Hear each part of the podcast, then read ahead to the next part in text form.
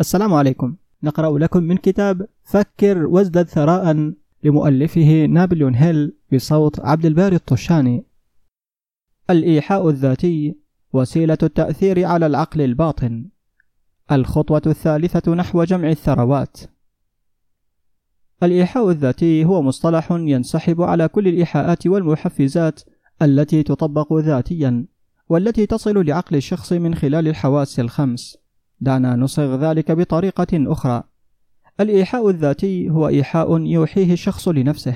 إنه وسيلة التواصل بين هذا الجزء من المخ الذي يحدث به التفكير الواعي وبين هذا الذي يمثل مكمن حركة العقل الباطن. ومن خلال الأفكار المهيمنة يستطيع الشخص البقاء في العقل الواعي. وما إذا كانت هذه الأفكار إيجابية أم سلبية هو أمر غير مهم. ويصل مبدأ الإيحاء الذاتي طواعية للعقل الباطن. ويؤثر عليه بهذه الأفكار. ولا تستطيع أية فكرة سواء كانت إيجابية أو سلبية أن تدخل العقل الباطن دون مساعدة مبدأ الإيحاء الذاتي باستثناء الأفكار التي يتم التقاطها من الأثير. بمعنى آخر كل الانطباعات الحسية التي تدرك عبر الحواس الخمس يعمل العقل المفكر الواعي على إيقافها. وإما أن تمرر إلى العقل الباطن أو ترفض وفقا لمشيئة الشخص. وهكذا تمثل ملكة الوعي حارسا خارجيا لمدخل العقل الباطن. فقد خلقنا الله بحيث نملك سيطرة مطلقة على المادة التي تصل إلى عقلنا الباطن عبر حواسنا الخمس رغم أن هذا لا يعني أننا نمارس دوما هذه السيطرة. ففي الأغلبية العظمى من المواقف لا نمارسها مما يفسر لماذا يعيش كثير من الناس حياة الفقر.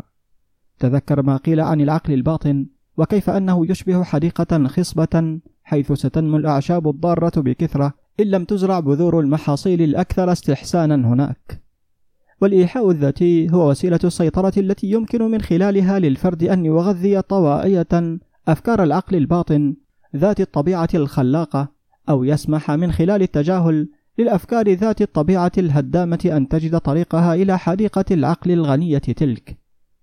طلبت منك الإرشادات في الخطوات الست الأخيرة الموصوفة في الفصل الثاني أن تقرأ بصوت عال مرتين يوميا تصريحك المكتوب عن رغبتك في المال، وأن تشاهد وتستشعر نفسك وأنت تملك المال بالفعل، فمن خلال اتباع هذه الإرشادات فإنك تنقل رغبتك مباشرة إلى عقلك الباطن وأنت تتحلى بروح من الإيمان المطلق. ومن خلال تكرار هذه الإجراءات فأنت تخلق طواعية عادات أفكار تتناسب مع جهودك لتحويل الرغبة إلى نظيرها المادي. عد إلى تلك الخطوات الست الموصوفة في الفصل الثاني واقرأها مجددا قبل أن تواصل القراءة. بعد ذلك عندما تصل إليها اقرأ بحرص شديد الإرشادات الأربعة لتنظيم مجموعة عقلك المدبر الواردة بالذكر في الفصل السابع ومن خلال مقارنة هاتين المجموعتين من الإرشادات بتلك الخاصة بالإيحاء الذاتي سترى أن التعليمات تتضمن تطبيق مبدأ الإيحاء الذاتي. لهذا تذكر عند قراءتك بصوت عال لتصريحك المنطوي على رغبتك والذي تحاول من خلاله تطوير وعي بالمال أن مجرد قراءة الكلمات لن يكون مجديا إلا إذا مزجت الشعور أو العاطفة بكلماتك. فإن رددت مليون مرة في اليوم وصفة إيميلي كوتيه يوما بعد يوم بكل الطرق الممكنة سوف أصبح أفضل وأفضل. دون أن تمزج المشاعر والإيمان بكلماتك فلن تصل إلى أي نتائج مرغوبة. فعقلك الباطن لا يدرك ولا يعمل إلا من منطلق الأفكار التي تمزج جيدا بالعاطفة. وتلك هي حقيقة من الأهمية بحيث إنها تتطلب تكرارها في كل فصل تقريبا. والافتقار إلى فهم هذا هو السبب الرئيسي الذي يجعل أغلبية الناس الذين يحاولون تطبيق مبدأ الإيحاء الذاتي لا يحصلون على نتائج منشودة.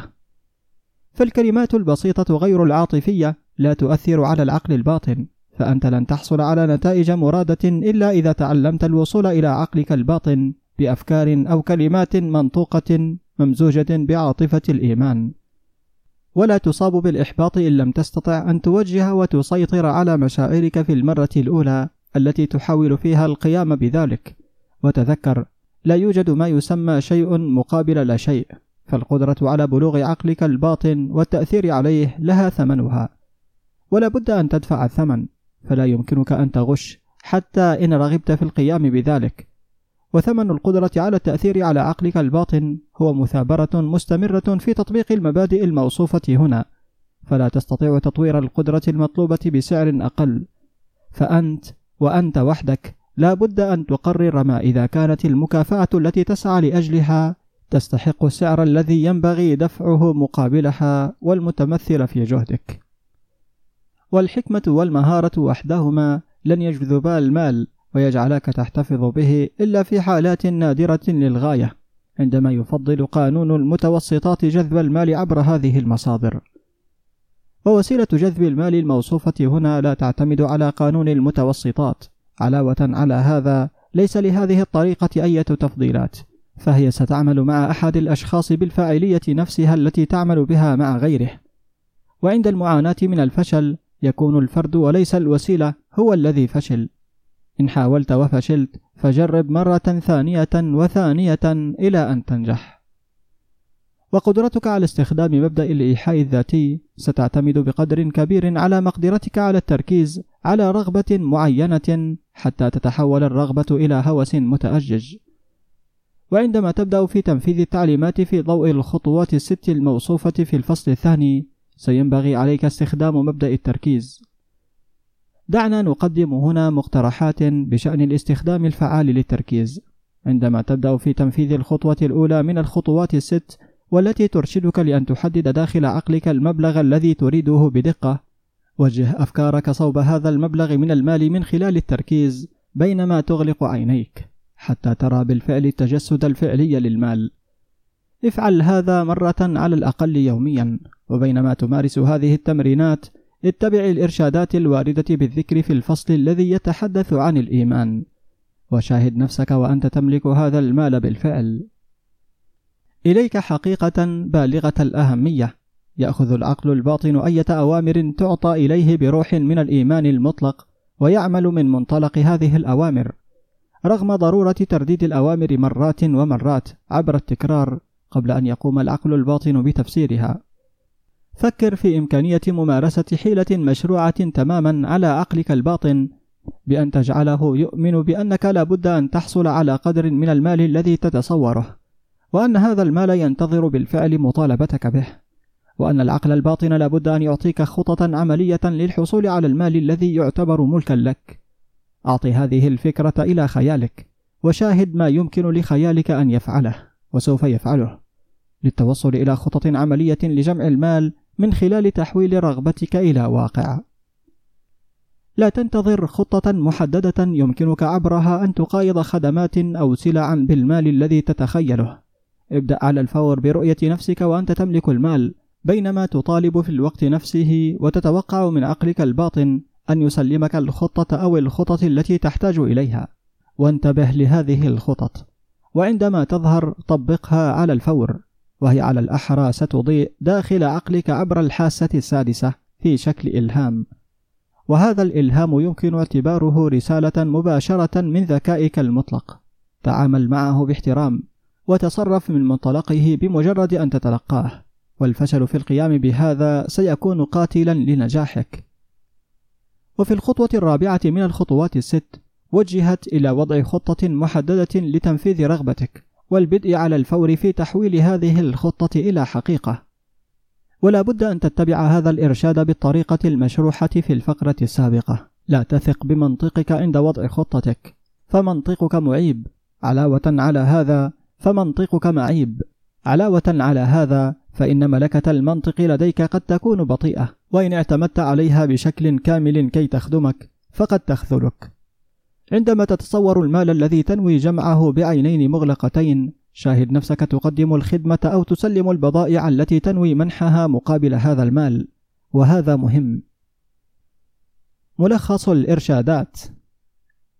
إن حقيقة قراءتك هذا الكتاب هي دليل أنك تبحث حقا عن المعرفة وهي مؤشر كذلك أنك تلميذ يدرس هذا الموضوع. إن كنت تلميذا فقط فلديك فرصة لتعلم الكثير. ولكنك ستتعلم فقط عندما تتبنى سلوكا متواضعا. فإن اخترت اتباع بعض التعليمات ولكن أهملت أو رفضت اتباع أخرى فسوف تفشل. فكي تحصل على نتائج مرضية لا بد أن تتبع كل التعليمات وأنت تتحلى بروح الإيمان.